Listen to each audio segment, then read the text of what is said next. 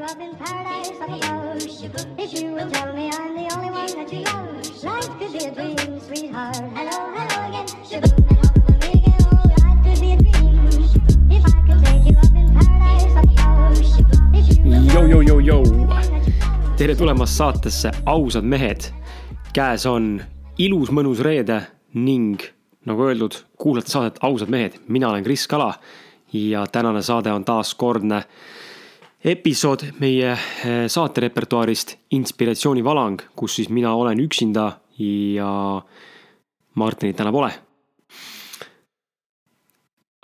oleks, kui see, kui see juhuslikult esimest korda satub kuulama seda saadet Inspiratsioonivalang, siis teadmiseks sulle, Inspiratsioonivalang on saade või saate formaat äh, väljaspool meie tavalist äh, saate formaati, kus me siis äh, nii mina kui, mina või Martin siis sõltuvalt kummal, emb-kummal mingisugune hea idee, mõte pähe tuleb, mida teiega jagada. jagame siis mingisuguseid äh, nägemusi ja arusaamisi enda elust ja sellest, mis me õppinud oleme ja kogenud oleme väga lühiajalise, nii-öelda lühi, lühikese, nii-öelda lühikese saatega, ehk siis kiirelt, eh, faktirohkelt eh, ja loodetavasti ka võimalikult palju väärtust pakkudes. ja, ja ilma pikema jututa. tänane saade on siis eh, teemal lapsevanemaks olemise esimesed elulised õppetunnid kuna ma olen nüüd neljakuuse tütre isa, siis äh, ma mõtlesin, et ma jagan teiega täna nelja äh, sellist väiksemat äh, tähelepanekut, mida ma olen märganud isaks olemise juures ja lapse kasvatamise juures, aga mis omakorda või noh, mida omakorda on võimalik siis kasutada ka tegelikult enda igapäevases elus. ehk tegelikult äh, aus olla, siis ma poleks uskunud seda, aga reaalsus on see, et tegelikult lapsevanemaks olemine ja, ja isaks olemine on tegelikult äh, väga-väga suuresti paralleelsuses ja tegelikult ka koos, kooskõlas nii-öelda sellega, kuidas me tegelikult elus igapäevaselt käitume. nii et äh, lähme aga esimese punkti juurde, esimene punkt on kannatlikkus kannatlikkus, see on äh, minu ja Martini, äh, ma arvan, et viimase aja, viimase aasta võib-olla läbikäiv väga mahukas teema ja ma usun, et see on kindlasti väga paljudele noortele ka väga-väga läbikäiv teema ja teema, millega inimesed suudavad suhestuda, sellepärast et kannatlus kannatlikkus on, on, on miski, mida me vajame ja miski, mida, mida meil tuleb endas välja töötada või nii-öelda ennast selles heaks treenida. sellepärast, et kui me ei suuda aru saada sellest, et asjad võtavad aega, siis, siis oleme üsna, üsna kiired ka tegelikult sellesama teooria pealt siis oma tegemisest loobuma, need kõrvale jätma need peatama, üldse mitte proovima ja, ja oleme närvilised ja, ja nii edasi. seega kannatlikkus mina olen õppinud, kuidas ma nagu lapse pealt näen seda kannatlikkust, on see, et kõige rohkem on õpetanud minule lapse juures kannatlikkust tema nutmine ehk siis lapse rahustamine. see võtab aega, mõnikord rohkem, mõnikord vähem, sõltuvalt sellest, kas lapsel on midagi siis äh, viga organismis või, või tujude mõttes või on hoopis saanud päeva jooksul väga palju stiimulit väljaspoolt meie seda väli, välismaailmast nii-öelda on ju, et väga palju näinud erinevaid inimesi, käinud erinevates kohtades, saanud palju seda rambivalgust kaubanduskeskustes võib-olla on ju, või isegi päevavalgust. Ja siis, kui lõpuks õhtul asjad üle keevad, siis inimene võib olla väga ülestimuleeritud. ja tema magama panemine tähendab, tähendab, vabandust, tema, tema nutmise ajal maha rahustamine on siis see, millega mina olen kõige rohkem pidanud silmitsi olema ja see võtab mõnikord aega.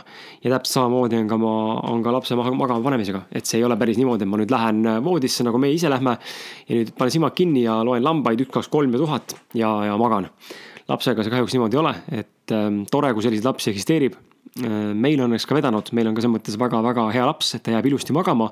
küll aga mõnikord võtab see aega kümnest minutist kuni isegi tunnini, võib-olla isegi mõnikord rohkem. seega see on täiesti seinast seina, aga ka sealjuures tuleb olla kannatlik ja, ja mitte minna närvi, sellepärast et kui sina lähed närvi, siis usu mind, laps tajub seda. ja tegelikult on, on igal juhul tulemus väga halb ja kui nüüd see üle, üle kanda nagu igapäevasesse tähendusse, mida see sinu jaoks kuulaja tähendab, kui sul juhuslikult last ei ole ja sa ei ole isa või ema, siis kannatlikkus selles mõttes ka, et just seesama näide, et et, et kui me ootame mingisugust tulemit enda mingi ette võetud eesmärgilt, siis meil tuleb aru, aru saada sellest, kui pikaajaline perspektiiv on meil võetud ühe eesmärgi jaoks. et võib-olla siin enda füüsilise keha muutmine trenni mastaabis võtab aega suurte tulemuste saamiseks siin aastaid. ülikooli lõpetamine võtab aasta, aasta, aega aastaid, vahet pole, kui palju sa õpid, sa ei saa protsessi kiirendada samuti ka muud sellised asjad, on ju, aga samal ajal on ka, on ka lühiajalisi asju, mis on tegelikult puhtalt sinu enda kättevõtmise asi ja sõltub puhtalt sellest, kui kiiresti sa millegi ära teed, on ju, et äh, tuleb nagu aru saada, mis on see eesmärk ja, ja, ja tuleb nagu realistlikult mõelda, kui palju läheb sul tegelikult aega tarvis selleks, et see asi nagu, idee nagu teostuseni viia.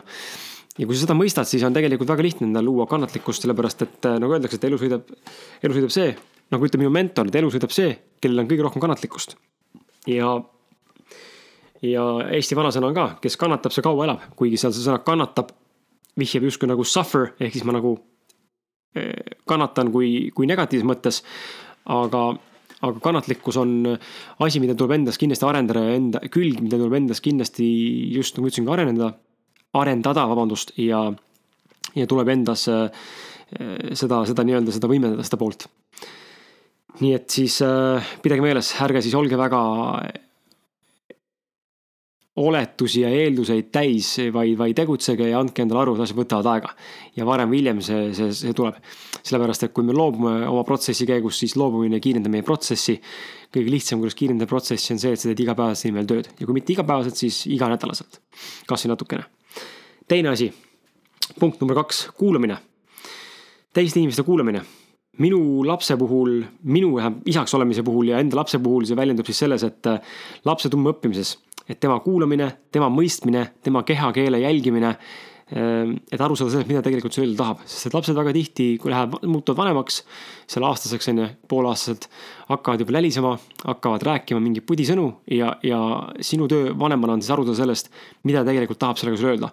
või kui ta teeb mingisuguseid ehm, kehalisi nagu nii-öelda eh, kehalisi manöövreid on ju, siis tegelikult tuleb ka sellest aru saada, mida ta tahab sulle oma kehakeelega öelda näiteks meie oleme enda lapsepõlvelt õppinud seda, et äh, näiteks äh, vahetult enne seda, kui minu tütar hakkab magama jääma, siis tal muutub laup äh, higiseks, tekib sihuke külm higi. sihuke otseesine muutub selliseks kleepuvaks ja, ja see on märguanne, kus ma saan aru sellest, et okei okay,, et on aeg magama jääda, aga kuna ta üksi seda teha ei saa, ta ei oska ennast ise magama panna siis on minu töö aidata tal minna unedemaale ja mitte lugedes lambaid, vaid siis kas talle lauldes, hoides teda süles, hüpates seal selle gymnastic, mis on see aeroobse palli peal, on ju, mis mu kodus on siin või, või mis iganes see viis kellelgi on. igalühel toimub iga, igalühel toimub iga, iga lapse jaoks erinev viis. aga, aga leida just see, et saada aru sellest, mida see laps tahab sulle öelda. ja ja sama on ka näiteks selle puhul, et kui me vaatame inimestega üldse, siis ülioluline on tegelikult inimest kuulata, et mitte ainult kuulda, jah, ma kuulsin, mis ta rääkis, aga kas ma ka kuulasin. sellepärast, et kui me inimest ei kuula teinekord eh, ja olen ise ka tähele pannud seda, et mõnikord me isegi vaatame inimese otsa, ta räägib meile, me noogutame kaasa, läheb mõni minut mööda ja meil tekib mõte, et oot-oot-oot, mida kuradit just ütles. ja see on jube piinlik, kui sa pead üle küsima, et oota, sorry, mis sa ütlesid sellepärast tegelikult sa ei kuulanud, see on nagu meeletu disrespect ja nagu mitteaustuse näitamine teise inimese vastu. ja, ja samuti ka iseenda vastu tegelikult, sest et see võib ka selles peegelduda, et kui sa tegelikult ei oska teist inimest kuulata, siis sa tegelikult ei oska kuulata ka iseennast, enda sisemist tõelist mina, kes tahab tegelikult sulle öelda midagi, mis on sinu jaoks parasjagu mingi eluetapil oluline. seega ülimalt oluline on õppida kuulama eh, teisi inimesi ja ja kui me oskame teisi inimesi kuulata, siis järelikult me oskame ka nende soovidega arvestada ja, ja nendele nii-öelda parimas, enda parimas vormis neile ka toeks olla või siis nii-öelda nõu anda või kaasa rääkida või kaasa mõelda. seega teiste inimeste kuulamine on äärmiselt oluline, sest et tihtipeale võib olla seal väärtuslikku infot, mis võib minna mööda, eh, kui me ei ole piisavalt tähelepanelikud ja teise inimese kuulamine, kui teine inimene ära tunneb selle, et sa tegelikult teda ka päriselt kuulad, sest et meie ümber on väga palju inimesi, kes tegelikult ei kuula, ainult kuulevad, siis see teise inimese jaoks on ka jällegi tunnustus sinu jaoks, et sa oled inimene, kellega saab suhelda, sellepärast et sa kuulad number kolm, hoolitsemine ehm, väikse lapse puhul on see eriti lihtne kui ma mõtlesin, kui ma isaks saan, siis noh, paljud küsivad ka ja paljud on küsinud ja ma ise küsisin kunagi ka seda, et issand, ma ei kujuta, kujuta ette, kui ma isaks saan. või nagu lapsevanemaks saan, et kuidas ma nagu käitun, on ju, see tuleb nii automaatselt. et see on automaatselt, ma mäletan, kui laps sündis, ma sain ta kohe basseinist enda kätte sisuliselt ja vastsündinu. ja ma automaatselt juba instinktiivselt oskasin teda hoida üles, loomulikult mul on olnud äh, kaks väikest venda, kes tänaseks on siis seitsmeaastane ja üks on, äh, teine on üheteistaastane. et ma olen nende mõlema väikese, väikese nagu nii-öelda kasvupõlves ka kaasas olnud. suuremal, suuremal ja vähemal määral, seega ma tean natukenegi, kuidas last hoida ja kuidas lapsega ümber käia aga, aga oluline oligi see nagu märgata enda puhul, et ma nagu kohe inimesena instinktiivselt teadsin, kuidas last hoida, kuidas temaga olla, kuidas ikkagi suhelda, kuidas temaga rääkida ja siis hakata kohe rääkima, sest ta on sinu laps, sul ei ole teist valikut. ja, ja kuna ta on nii abitu ja väike, siis, siis tihtipeale tulebki panna ennast ennast nagu tahapoole ja laps ettepoole, sellepärast et tema ei saa üksi praegu hakkama, sina saad. sinul võib olla kõht tühi Eh, jood natuke vett, see kõhu, tühja kõhu tunne läheb üle, onju, aga kui lapsel on kõht tühi, siis lapsele tuleb süüa anda, sest et laps ei oska ennast võib-olla sellisel viisil maha rahustada või endale öelda, et okei okay,, pole hullu, saame hakkama, elame selle kõhu, tühja kõhu tunde üle, varsti saan süüa. et nendel on, nad elavad väga palju hetkes, millest ma kohe räägin ka. lapsed elavad väga palju hetkes ja, ja väga tihti on üks nii-öelda emotsioon või üks mõte korraga, et ja üks, üks nagu mälestus või nagu jah, sihuke memory pilt korraga et nende jaoks on ülioluline see, et nad saavad kohe seda, mis nad tahavad, eh, ennast väljendades ilusti. ja, ja et kõik oleks nagu teostatav kohe nüüd ja praegu, sest nad ei oska mõelda tulevikule veel. Ja ma arvan, et see oskus teiste eest hoolitseda on võrdusmärgi all tegelikult sellega, et see on teiste võimeline teisi inimesi armastama. ja selge on see, et kui sa oskad teise eest hoolitseda, siis järelikult sa oskad ka iseennast juba armastada, sest et teiste armastamine teiste armastamise eelduseks on tegelikult see, et sa oskad iseennast armastada ja sa ka armastad ennast. seega mina räägin siin pidevalt äh, viimasel ajal, mul on väga suur enese, hästi kriitiline on praegu ja hästi sihuke tugev, ähm, tugevad sellised äh, enesevihkamise mustrid tulevad üles kogu aeg. täna ka sihuke natuke raskem päev. aga, aga kui ma olen võimeline armastama enda last ja enda elukaaslast, siis tegelikult tõenäoliselt ma armastan ka ennast vähemalt mingis aspektis. et päris nulliring see ei ole, muidu mul ei oleks sellist suhet jätkusuutlikku kuidas see hoolitsemine väljendub teiste inimeste suhtes äh, lisaks lapsevanemaks olemisele, ongi täpselt sama teema, et äh, tuleb aru saada sellest, et me teiste inimeste eest tuleb hoolitseda, vahel tuleb teha enda partneri nimel asju ja panna ennast tahaplaanile, sellepärast et teisel oleks hea olla, sest et kui teisel on hea olla, on ka sinul hea olla, sellepärast et see on selline efekt, et kui ma teen kellelegi head südames, siis tegelikult tekitab minus tänutunde ja tekitab minus nagu heaolutunde ja ma olen midagi head korda saatnud, ma olen kellelegi teinud heameelt. ja see omakorda tekitabki seda sihukest nagu abundance või nagu sellist mõnu, mõnusat nagu vibe'i, et oh, ma sain head teha ja, ja tõesti, kes ei ole varem inimestele head teinud südamest, need, ma soovitan sisimas, minge öelge kasvõi kellelegi eh, suvalise inimese tänaval siiras kompliment. ja ärge minge öelge suvalise inimesele külgelöömise eesmärgiga või mingi muu naljanumbrina. vaid tõesti, kui sa midagi näed oma mõttes, mõtled kellegi üle või midagi näed, onju. mine ütle talle, et eh, tee seda, see teeb inimese päeva palju rõõmsamaks ja see on nagu ülimalt oluline. ja see näitab ka tegelikult hoolivust. aita teisi inimesi, kui kellelgi on abi vaja, siis aita välja inimene. iga päev, ma olen kindel, iga päev on sinu elus vähemalt üks situatsioon või võimalus, kus sa saad kedagi aidata, olgu see pereliige, sõber, töökaaslased, trennikaaslased, sõbrad, sõbrannad, suvalised inimesed tänaval, bussis, transpordis, autos, kus iganes sa oled. kuskil on olemas võimalus kedagi aidata, tee seda, see näitab jälle hoolivust. ja, ja, ja ma arvan, et kui me teiste eest hoolitseme, siis me tegelikult saame sama asja vastu ka, et see külgetõmbeseadus töötab samamoodi täpselt samas mahus, et see, mis endast välja anname, see on see, mis me tagasi ka saame, et what goes around comes around. Ja number neli, äh, nagu ma ütlesin enne, hetkes elamine, et äh, kui ma õppisin eelmise aasta mm, jah, eelmise aasta alguses ja üle-eelmise aasta ehk kaks tuhat seitseteist aasta lõpus, olles Lõuna-Euroopas reisil ja elades kolm kuud väikeses sõiduautos, mille me olime ümber äh, elukaaslasega konverteerinud siis nii-öelda nagu koduks, meil oli seal sees voodi suur, külmkapp ja, ja söögilaud isegi ja gaasigrill ja asjad. et me olime nagu, elasime autos hästi minimalistlikku elu Äh, rannast randa, vahepeal olime nädal aega ühes rannas. Äh, mõnikord olime isegi kaks nädalat pesemata, onju. keegi nagu ei haisnud, aga, aga selles mõttes, et ei olnud võimalik pesta ennast vahepeal. ja, ja nautisime elu täiega sellise rinna nagu oli, et ähm, sihuke ehe, toores. ja ja see õpetas mulle väga palju hetkes elamist ja seda, et kui, kui palju tegelikult või pigem kui vähe tegelikult inimestel on vaja, et olla õnnelik.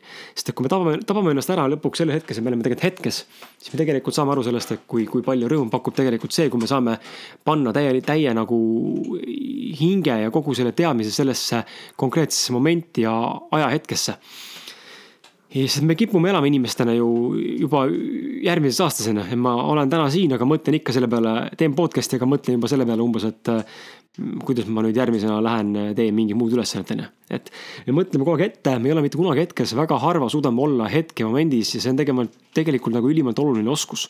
tulla hetkesse ja olla siin ja praegu, sest elu saabki eksisteerida ainult siin ja praegu. ja noh, kui sa ise mõtled selle peale, et proovi teha täna midagi eile või proovi teha täna, nüüd ja kohe midagi homme. mõiste eile äh, mõiste, mõistest eilsest saabki nagu tänase mõttes või no pigem ütleme, homsest saabki tänane, et kui homme jõuab kätte, siis ta on ju hetkemoment. ja kui eile oli, siis ma olin eile, aga ma olin eilses ma olin eilses momendis ehk hetkemomendis. ma ei saa olla täna, täna eilses ega täna homses. seega ainuke hetk, mis meil tegelikult päriselt eksisteerib, ongi hetk päriselt siin ja samas, nüüd ja praegu, iga jumala sekund väärtusta seda.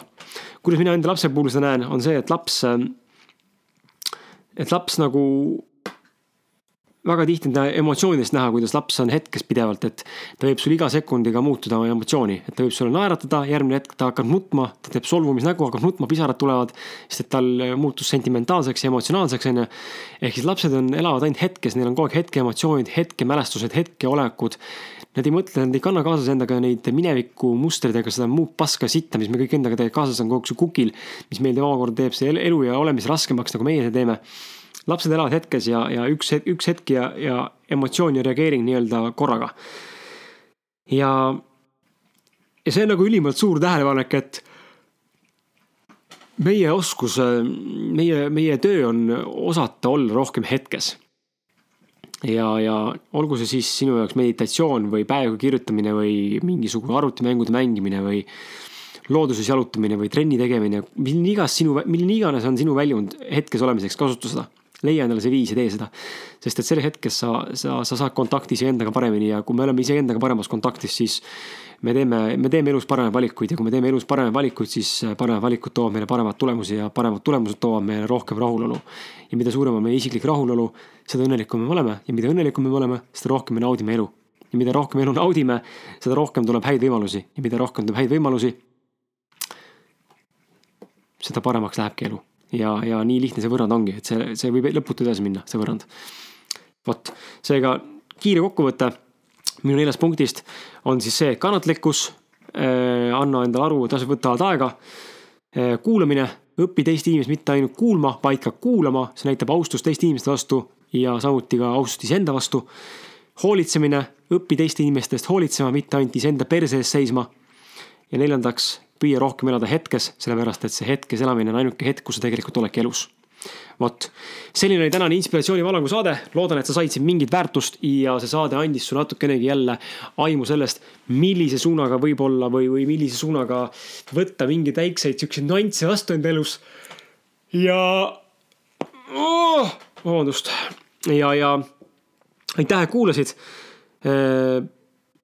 See nädal kahjuks ei ilmunud meil pikemat saadet külalisega, küll aga seesama tänane ilmumata saade, mille asemel praegu on inspiratsioonivalang, ilmub järgmisel reedel, nii et kindlasti olge eh, platsis kuulamas, sellepärast et see tuleb meie, eh, meie ausad mehed saate repertuaari, ma arvan, et üks võib-olla kõige kõvemaid saateid. ja, ja külaline ise on Eestis väga tuntud inimene, keda ma arvan, et teavad, teavad enamik inimesi ja, ja see saade tuleb, ma arvan, päris, päris, päris sügav ja deep, nii et varu endale aega, tuleb sihuke, ma arvan, kahetunnine, võib-olla isegi natuke rohkem. vaatab, kuidas jõuab. Eh, pikk saade ja, ja, ja, ja just rohkem spoileri ma siin ei anna.